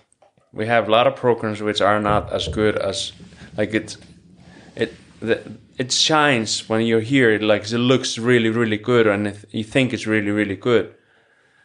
But you have to be hey, what am I gonna do after? What am I gonna do if I get injured? What am I gonna do if if uh, like when I quit, when I retire? So players need to think of their education, and uh, and when you're young, you should think of your education. It's it's not it's it's hard to get your education when you have to pay bills, when you have to like raise your children and what and all that. So think of your education when you're young, and um, and if if you go Europe, I, I would say just hey make sure you doing some some school with it as well. Yeah, like I had. Uh, I always, I always recommend people. Like when I asked me, I had a couple of my uh, friends or younger teammates that when I played. One of them is actually from Estonia. When they asked me, like, should I go to college for four years in America or should I go pro and play? And I'm like, okay, if, unless you can make like be like Luka Doncic, for example, you're making at you know 18, 19 years old, you're making have like 250,000, like a lot of money. Yes, I'm for it. Go make it because you can always go to school later, which is you know like your example, you can finish school later. But majority of players are not at that level of you know pro or salary wise. Yeah. So to me, it's like, hey, go to the school for four years, get your education, get experience because you're gonna get better. You can get better. Like one thing, great thing about college in the states, they'll give you everything you need, even at the Division three or Division two level or even JUCO level. You'll get everything you need to succeed as a athlete. You have full training staff. You have twenty four seven access to the gym. You know, obviously bigger programs like you know Duke or whatever. Like they have dietitians. They have everything. There's like whole different level. That's like being a, basically like being a pro. And my friend, I played with him. He was 16 in Estonia. Tartu is uh, Ker- uh, Kerkrisa. Uh, he two years ago he actually reached out to me, and I saw him. I follow his career. He's you know he, when when I was with him, he was 16 year 16 years old, really good player. His father is a pro at 37, was still playing, and you know he signed like a three year deal with Žalgiris youth youth program. You know, and then he was. Uh, he was able to be on the main team. Actually, scored a, a couple free throws in a EuroLeague game. That's what age? That's like 18, 19. That's like a dream of a player at 19 years old to be on a EuroLeague team in a game and score, right? So what he asked me, hey, I want to go to college. Like, should I go to college or should I continue this? I'm like, what schools are you looking at? And he says getting interest from like Arizona, like all these big time schools. I'm like, if those are your schools, I, I would say go to Arizona. For example, he ended up choosing Arizona, but I'm like, hey, go to university, get your education, because in four years, if you go to one of these big time schools, you have a chance. You're gonna get better because there are top level like Arizona. Like last year, they had three or four guys in a, in a, in a draft. Like each, and you compete against top level guys. So you, each night you might play against a f- future NBA All Star. So you're gonna get better. And then after it, and if it doesn't work out, just say you worst comes to worst, you have your education from uh, University of Arizona, which is a well-known school around the world, and with that diploma, you're gonna get your job a job in Estonia. Like if your career doesn't work out, just say you get hurt or something, because that is injury. Unfortunately, is a part of Exactly. uh, and to me, it's always about go get your education if you can, especially for free. That's the key word, free, right? When you get a scholarship in the states, like you know, Styrmir went to Davidson. I think Davidson is probably fifty, sixty thousand dollars a year. As a, as a very expensive Exactly great school, and uh, because you mentioned this, I remember when Helena had to choose when she. I mean, she was really, really Oh yeah, good a, when she's a really good example of that. she- when she was when she was 16 17 she's asking like she had an offer to go play like at the high level in france mm-hmm. like a professional and and same has happened to many other players like Styrmir and Helen was like should I go pro or should I go college I said at least if you go college okay you're gonna get your education in four years but not if you don't if you go, pro and you don't like that, you can't go college. So at least if you go college and you don't like it, it doesn't like it doesn't work out. The pro is still gonna be there Uh, if you have that kind of level of players. Helena was. Uh, same as Styrmir. If he doesn't, if if things don't go well for him at Davidson, he can either come back here or he can go Europe. But same Hilmar Smári, who played at Valencia. Now he's at Stjarnan. Great guy, great person. I coached him. He's a he's, he's one of my top favorite guys to coach. Very very competitive, very talented. He had offered to go Davidson. He chose to go to Spain. Uh, I'm not saying it's a bad choice, but now I'm just pointing out. Now he's back in Iceland two years later. Instead of maybe if you would have gone college, you would get education, you have the college experience, but you can also just come back from college and go to Spain or you understand where I'm going? Yes, You cannot exactly. go the other way. You Yes. cannot go from Spain to America. It doesn't Yes. work that way. But you can go from Spain to from America to If Spain. If you go pro, you burn the bridge of college. Exactly. You can never go, hey, I was never pro, go to college. If you go to college, there's always other opportunities. Even if you don't like it after a year, hey, I dropped out of college, I really don't like it, and I, I can go back and I'm going to see be. Martin. Yeah, Martin Martin, went. yeah. He went two years college. Uh, I heard was maybe not the best situation. like it's not as Davidson. Davidson is a different level. What school did he go to? uh, Brooklyn something. Oh, LIU Brooklyn? Yeah. Yeah, I know. Uh, and he he went to uh, wasn't it France? France, yeah. Uh, after two years in college, he would not have been able to go to college two after two years in France. And also, I think. And he, his way is, I mean, it just speaks for itself. It's, it's great, even, great player. Even if your experience isn't like a four year experience, I think just going to the States and experience that life, college life, away from home, it could be tough in the beginning. But at least for me, I really had a great time in college. Like, you meet a lot of different new people, and especially, you know, from Iceland, you're a small, like, imagine the Martin, I don't know him personally, but, but like, imagine him going from Iceland, 400,000 people in the country or less, going to Brooklyn the the thing like to me like it's kind of what happened to me when I went to the states. You know, I was 13. I went to the states. I'm like, you know, I went to New York. I look and I'm like, oh wait, I remember this in the movie. This is in Yeah. the movie. And then you walk in and it becomes your like routine. And I think that even that experience, uh, he probably got better because of it. Maybe he didn't like it as, uh, at that time. Like I said, I don't know him. I don't know his story, but I'm I'm, I'm assuming he learned something from that experience. He learned how to, I don't know, deal with it. As also the guys who come from Iceland. We or they they have this privilege that they, we come from Iceland. This is a small bubble. If things don't work out, you can always come back to Iceland. Exactly. It's like if if you are a person, uh, you go to the states, things don't work out for some reason, you can at least always come back to Iceland. Then you can go Europe, but you cannot do it the other way. You cannot go Europe and then oh, I want to go college. No. Yeah. So I I personally would would say try to go college if that's the if if if there's a school like Davidson or or Uh, okay, I got a couple more questions, and we and we'll be able to wrap this up. So, okay, you have been part of many successful teams. What are some ingredients that te- a team needs to in order to win a championship or have a chance to compete for a championship? identity Identity, identity. You need to have identi- identity. like who we are, who you. who you are, know who you are, know, know what you want, uh, uh, and then chemistry is uh, probably the most under uh, underrated underrated thing on a team.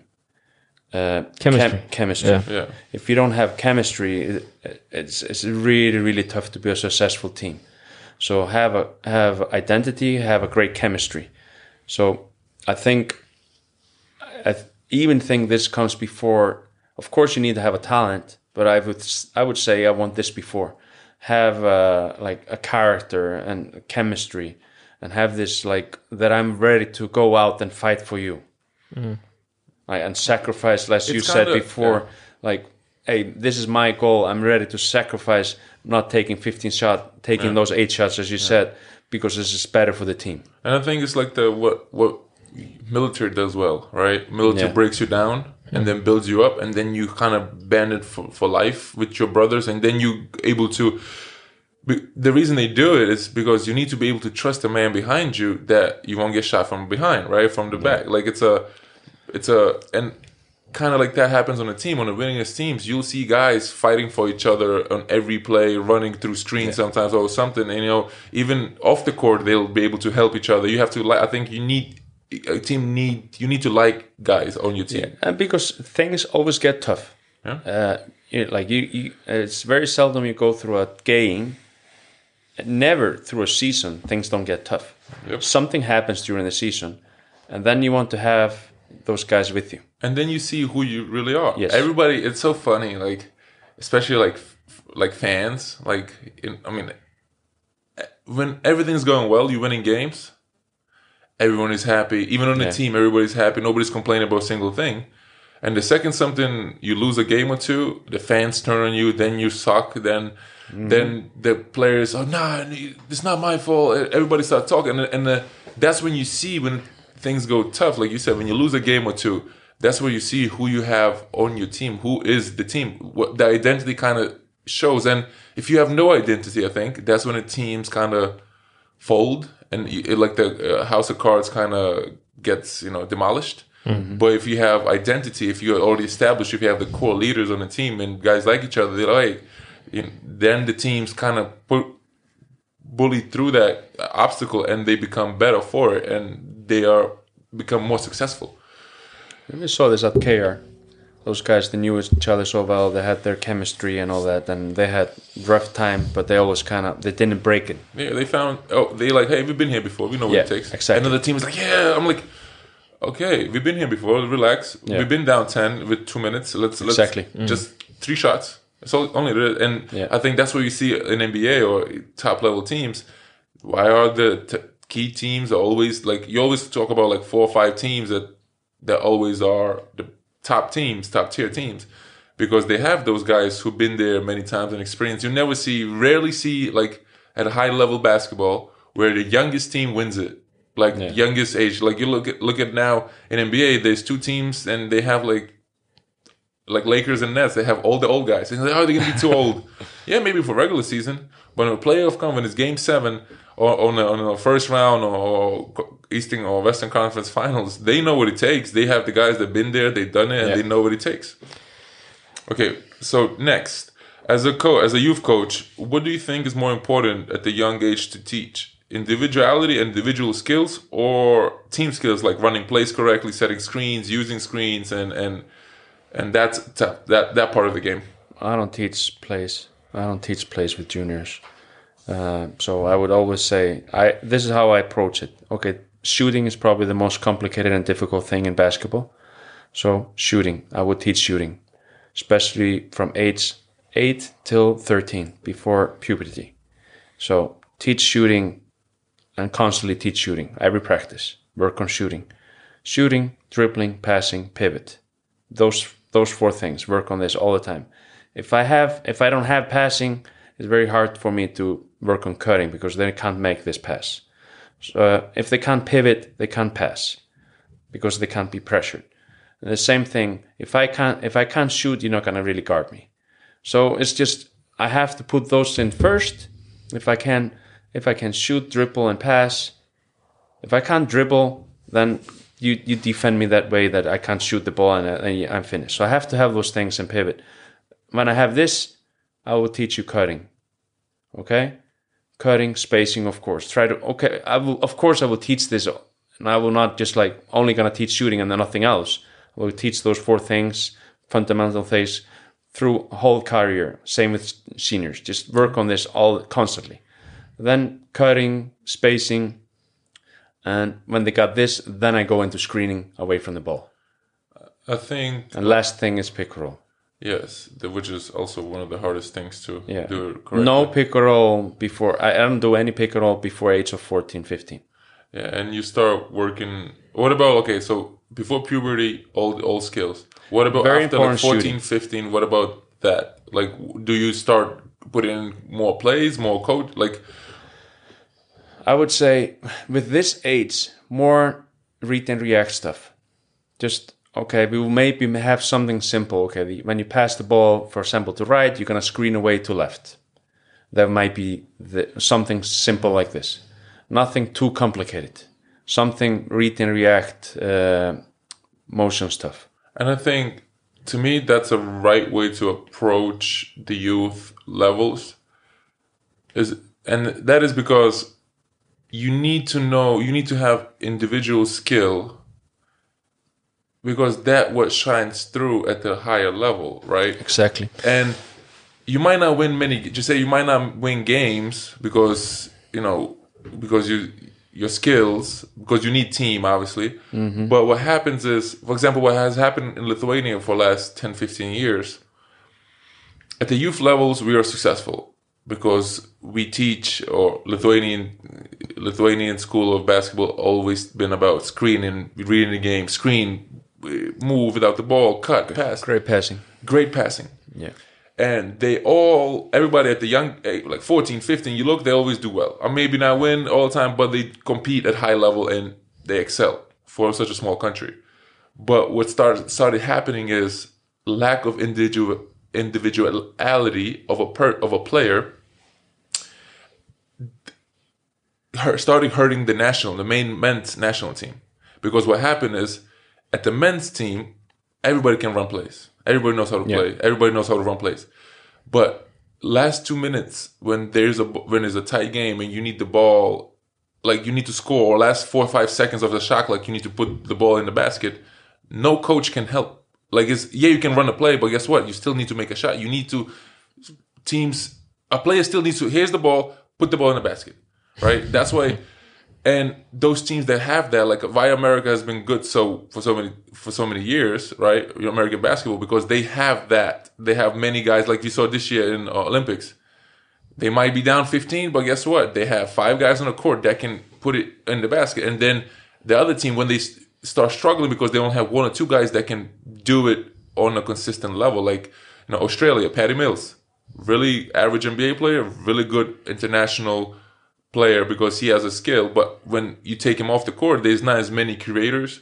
And I think going back to Lithuanian team, what happened when we were successful, like on 2003 when they won in Olympics and stuff, we had guys who grew up in a system in Lithuania, but then they went to the states to learn the individ- individuality. They went to college for four years, like Jasikevičius, uh, Glazer, Son Kyla. Songaila, all those guys who are our NBA guys or the best European players that we had that were leading the team, they all went to the States and learned how to, oh, whoa, this is American way of basketball. I need to be able to dribble, shoot, pass. Like, I need to, not just cutting and moving, I need to put the ball in the basket, which American basketball school, which is great at that. Everybody, you know, every year in Iceland, you know, most Americans are the key leaders of scoring wise. Need to be a go-to guy in the league. Exactly. You need Yeah. to, you, and you need to have a go-to guy on a national team as well mm-hmm. because everybody can do it. And I think that's why they've been struggling the last couple of years because now our go-to guys are Sabonis and Valanciunas, who are the four and the five, basically both fives technically. And you never see, oh, okay, let's give the five the ball with two seconds left in the game and shoot, make him make a score a basket. You might go in the post, this, but big guys. It's harder to dominate end of the games, but with a big guy because it's easier to double the big guy. It's easier. I'm a big guy myself. It's easier to like trap, do do stuff, you know, than a player. Hey, you know, a, a guard that can put the ball you, in the basket. you need a guy who can just create and take off the triple like Exactly. you see Kevin Durant is doing. Or, Yeah, ev- mm. everybody like every like you need creators. I think I think now the way basketball has has developed, as we touched a little bit in the beginning, it's about creativity and create and react. Like you know, okay, I'm dribbling here, I'm going to crossover or even pick and roll, get a screen. There's two guys in front of me. I'm going to pass it to open man. It's not even a. That's not play. yeah. It's a quick like. Just there's a big. reading the situation. Exactly. Teaching them to read the situation. Reading uh, right when to pass, when to dribble. It's not. It's not just knowing how to dribble or how to pass or how to shoot. When. it when to do it.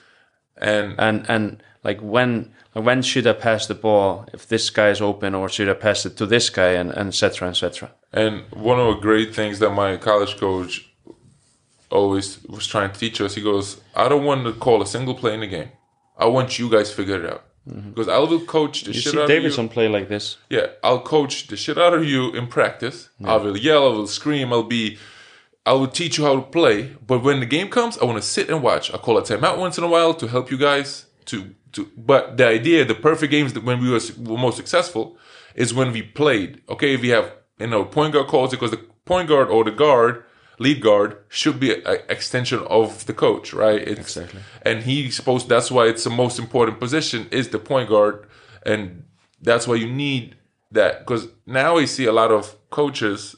Like I hate my personal opinion about coaches that call the play and like you know like in college like lower lower co- of college they have a little note they take it out of their pocket and there's all the plays they have they have a whole sheet of plays and they can look down and they say okay two down to the side run it and then player okay he said screen here and they become robots but mm-hmm. basketball is much more enjoyable when it's fluid it's like music it's like a, it's when it's fluid, when it's, it's rhythm to it. It's a it's a rhythm sport. So Exactly. it's much more beautiful when that happens. When players are creating, players doing. Then okay, I set screen here, go. Like we don't want to be robots. I think I, I personally don't like it either. As it, when the coach calls it every every second needs to be controlled. I think it's much better for me as a player when we have we get we got have to figure out as a team on the court, right? It's five of us because coach is part of the team, but guess what? He can't put the ball in the basket for you. He can help you to put a play, a system, and that's why like I think it's very important that coaches at the youth level teach kids how to play basketball, like how to be individually skilled, and then there's a whole different story how to put them together to play as a team. But individual individuality needs to you need to have individual skills. I think you can work on those uh, like how to play together and all that, but it's like later. But it's very hard to teach shooting or passing after age of uh, 13, 14. It's very hard. It's it's possible, but it's hard. So you really need to work on those things when they're young. If you could be, uh, if you could choose to be a EuroLeague coach or NBA coach, what would you choose and why? Oh, got him. Oh, I haven't even thought about it. I mean, I think what what pays better? I mean now, I mean now, It's you- probably College coach. no, no, but now you could see, now you could see kind of similar. There's like Yeah. there's there's uh, you top, top European coaches are getting paid two three million euros plus, and that's bef- and taxes are paid by the team. yeah. So, yeah, they- they're even higher than that. Uh, Aren't the co college coaches the best paid? yeah, No, I, no, I, I, I always thought like uh, the dream job would be uh, like a D one college, but uh, now I, I mean, I, it's I don't know. It just it's it's a a tough- tough question. I, I mean, I really like European basketball. I like EuroLeague, um, but just just maybe just as a child, like growing up with NBA. Probably that's. I mean, NBA is the best league, so Yeah, it is. I would probably say, uh, yeah, NBA. yeah, uh, NBA is definitely the best league with the most talent, and we have Yeah. you know But the ex- uh, the atmosphere in the EuroLeague, the the, the play and the, and, the and all that, yeah, and just every every game in EuroLeague is an important game. Mm. It's it's uh, of course not as many EuroLeague games, but uh, but the, uh, the NBA is the, the the cream. That's the top. Uh, everyone wants to try, you know, like to see, even to be in the kitchen. Like David Blatt was there for like a two years, and Yeah. even though in Europe he's one of the most winning, like one of the Yeah. most successful coaches, but everyone wants And to you try. see, like Messina. I mean, Yeah, he was that's at Spurs, and and and, and he. Uh, I'm very surprised that he didn't get offered to be uh, NBA head coach, but but, so it's the, it's okay, it's so tough. you kind of tough, tough for European guys. yeah, I- Igor Kokoskov was the first European to be the head coach hmm. uh, because David Blatt is born in the States. oh yeah, yeah, I was hmm. But say. he's a European, like, but he's everybody look at him as a European. Hmm. Okay, and the last question: Do you have any coaches that are your idols, or do you have any coaches that you would like to meet that are alive and you know talk about basketball to pick their brain a little bit? I've been very fortunate and lucky that I met uh, so many great coaches, um which I mentioned here already in podcast. I met Bobby Knight, uh, which I have not mentioned. I met uh, Coach K, uh, Messina, Obradovic. Uh, Okay, I never met Popovich, so I would say yeah, Pop is funny, Yeah, and he pays for the dinner too, so Yeah. it's good. Yeah. uh, They have Yeah. that's one of the things he has like a team dinners that, that everybody's required to be there. It's like kind of like identity thing, and I think he pays the bill all the Yeah. time for the whole team. And it's, I'm assuming it's a quite a big bill for like 20 people, and it's Yeah. an expensive taste. And he's a big wine yeah, I guy think you too. got a. I think you got a paycheck for that. I mean, that's what I'm saying. Yeah, yeah. So I, I, I mean, I've been very lucky and and going like me. I, I went out with David too, in, Oh. in in Moscow when I was there, and a lot of good coaches and just picking their brains, being in their meetings with the national team, like I was saying, Lithuania. But and I, I was also fortunate to be meet with uh, Stan Van Gundy when he was here. I was got Stan Van Gundy and Messina to come to Iceland, 2019. Yeah, yeah. Uh, Stan Van Gundy is a big basketball brain. Of course, Pasic, I, he was came here and I was in his clinic. Great guys, uh, but I would say now it would be Popovich. Popovich, yeah, I would want to meet him and uh, go with to dinner with him. That would be fun. exactly. Yeah, and pick his brain. And, Yeah, and he, And, he uh, has he has good taste for wine too. He's a wine guy. Yeah, and and I was also I, I always wanted, of course, I never met John Wooden or, or Dean Smith, uh, but I was I met uh, Red Auerbach. Uh, that's that's a funny story because you were asking for Uh. some funny stories. I was uh, I was watching a uh, training camp in Washington, like watching like a, and I was the only coach in the the was two coaches maybe watching this camp, and then comes this older man with a younger man with him, and they kind of sit just next to me, and I start talking to him. We just start talking, we watching this basketball, and um, I don't figure out who it is right away. And I even have a camera. This time it's not when you have a phone. Uh, so, but I didn't figure out till he went down to talk to the players who this was, and this was uh, Red Red Auerbach. so I, I talked to Red Auerbach without uh, figuring out right away, Yeah, and uh, and same with Bobby Knight. Uh, I, I, there's Bobby Knight and Coach K, the two guys when I got really starstruck meeting and talking to because we were really working on getting Bobby Knight to come to Iceland. So I got his phone number and, and, and talked to him several times on the phone. And uh, he and he was actually a great guy, great guy meeting, and and uh, and he really wanted to come to Iceland. and to me that happened. I think one time. I don't know if you know what Hurley's Hur, Dan Hurley, the the you you you guys, Yeah, Bobby Hurley, Bobby Hurley. Bobby, yeah, and they they okay. So I had no idea who they were because mm-hmm. that's like '90s. You know, I was Yeah. born '92, so it's like to me, it's like okay. So they got a job. I think they both came. One of them got a head job at the uh, Wagner College, and they came to Christ the King open gym, and they're like, "Hey, Dom, we're like." And they talking to me, and I'm like, "We would like to come to the, you know, visit campus and come to school." I'm like, like, you know, I, I was being nice and talking, and then they left, and and then my coach was like talking to me. I'm like, and they're like, "Do you know who, the, who those guys are?" I'm like, "No." Like, they, they like this guy was on an, almost made a national team, '92 national team in the, you know, the I think Bobby Hurley was the better player, right? One of them is like Bobby. Bobby Yeah. Hurley, yeah, he was at Duke. He, he was drafted number seven by Yeah. Sacramento, if I remember yeah, right. because he was 92, Yeah, he and was then he got in an accident, yeah, like and I was like a car accident. dick to me. I'm like, I have no idea who you guys are. I just know that okay, thanks. Like I'm just a kid from Lithuania, you know. I don't know you guys, but it's a they also were nice guys, and I didn't end up going there. But the same thing happened. Oh, touch a little touch back on my college choice. I, I look back, and every coach that recruited me, so they either left or got fired within those my four years when I was in college. So it was kind of right choice going to Division Yeah. Two.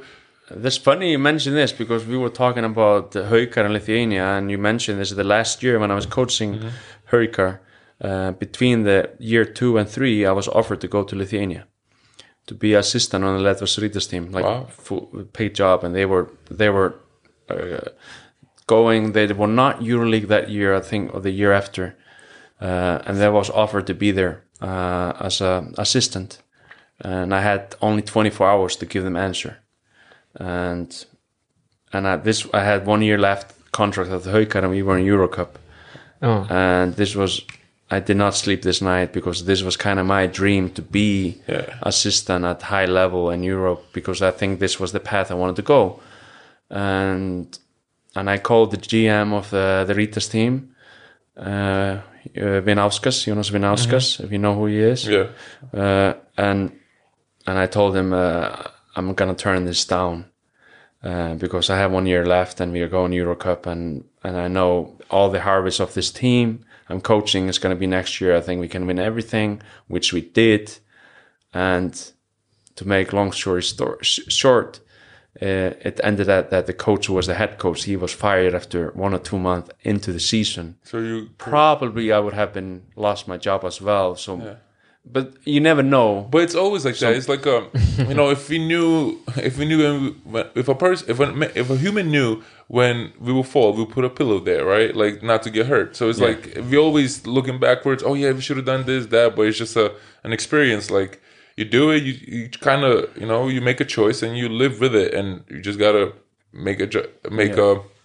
Hopefully, make the right choices. Yeah, I, uh, because when I talked to Vinauskas and I said, okay, I'm I'm I'm ready to go now, but I would really want to continue because my contract's gonna finish next year, and uh, and I went to Rytas team in 2007 when they won it, and I was there with them in the finals with their coach, and I had to, pre- uh, I had like they had like a uh, tryout for me as a coach. I was coaching the juniors. Oh, okay. all the guys who were in the national team juniors they had the individual practice for them and uh, the and the head coach was watching me coaching and it, it was great fun to do this. And i was there for them for like 10 days. They paid everything. Uh, but the end of that they- they hired because the coach was there Trifunovic, Alexander Trifunovic, Serbian guy. He was coaching his first or second year as a head coach, and he wanted older head coach. So he he hired a coach which was uh, assistant as a older, and th- because they always wanted to have at least one Lithuanian on the staff. Uh, this is the time when they had two assistant coaches and one head coach. And now they have like fifteen. Yeah, Every now it's now it's a little bit different, but this was uh, but this was probably just meant to be this way, and um, but yeah. that's how it is. And yeah that's how that's how life goes you know it, it- everything happens for a reason and we just here you know we just here living through it so thank you for coming coach do you have anything else uh, last uh, message to the listeners to the pod that you want to share or No, just for for basketball, work on your fundamentals, keep working, keep enjoying playing. Enjoy this. This is basketball is supposed to be fun. It's a game. Enjoy it. It's, a- a, game. Uh, okay, be serious, but don't be too serious because like like if you if you lose, just hey, don't take it with you till the next practice. Um, just a cou- couple minutes or a couple hours. Okay, it depends what it is, but just to learn, from, it, Exactly. and uh, and then just move on. And the same, take care of your education.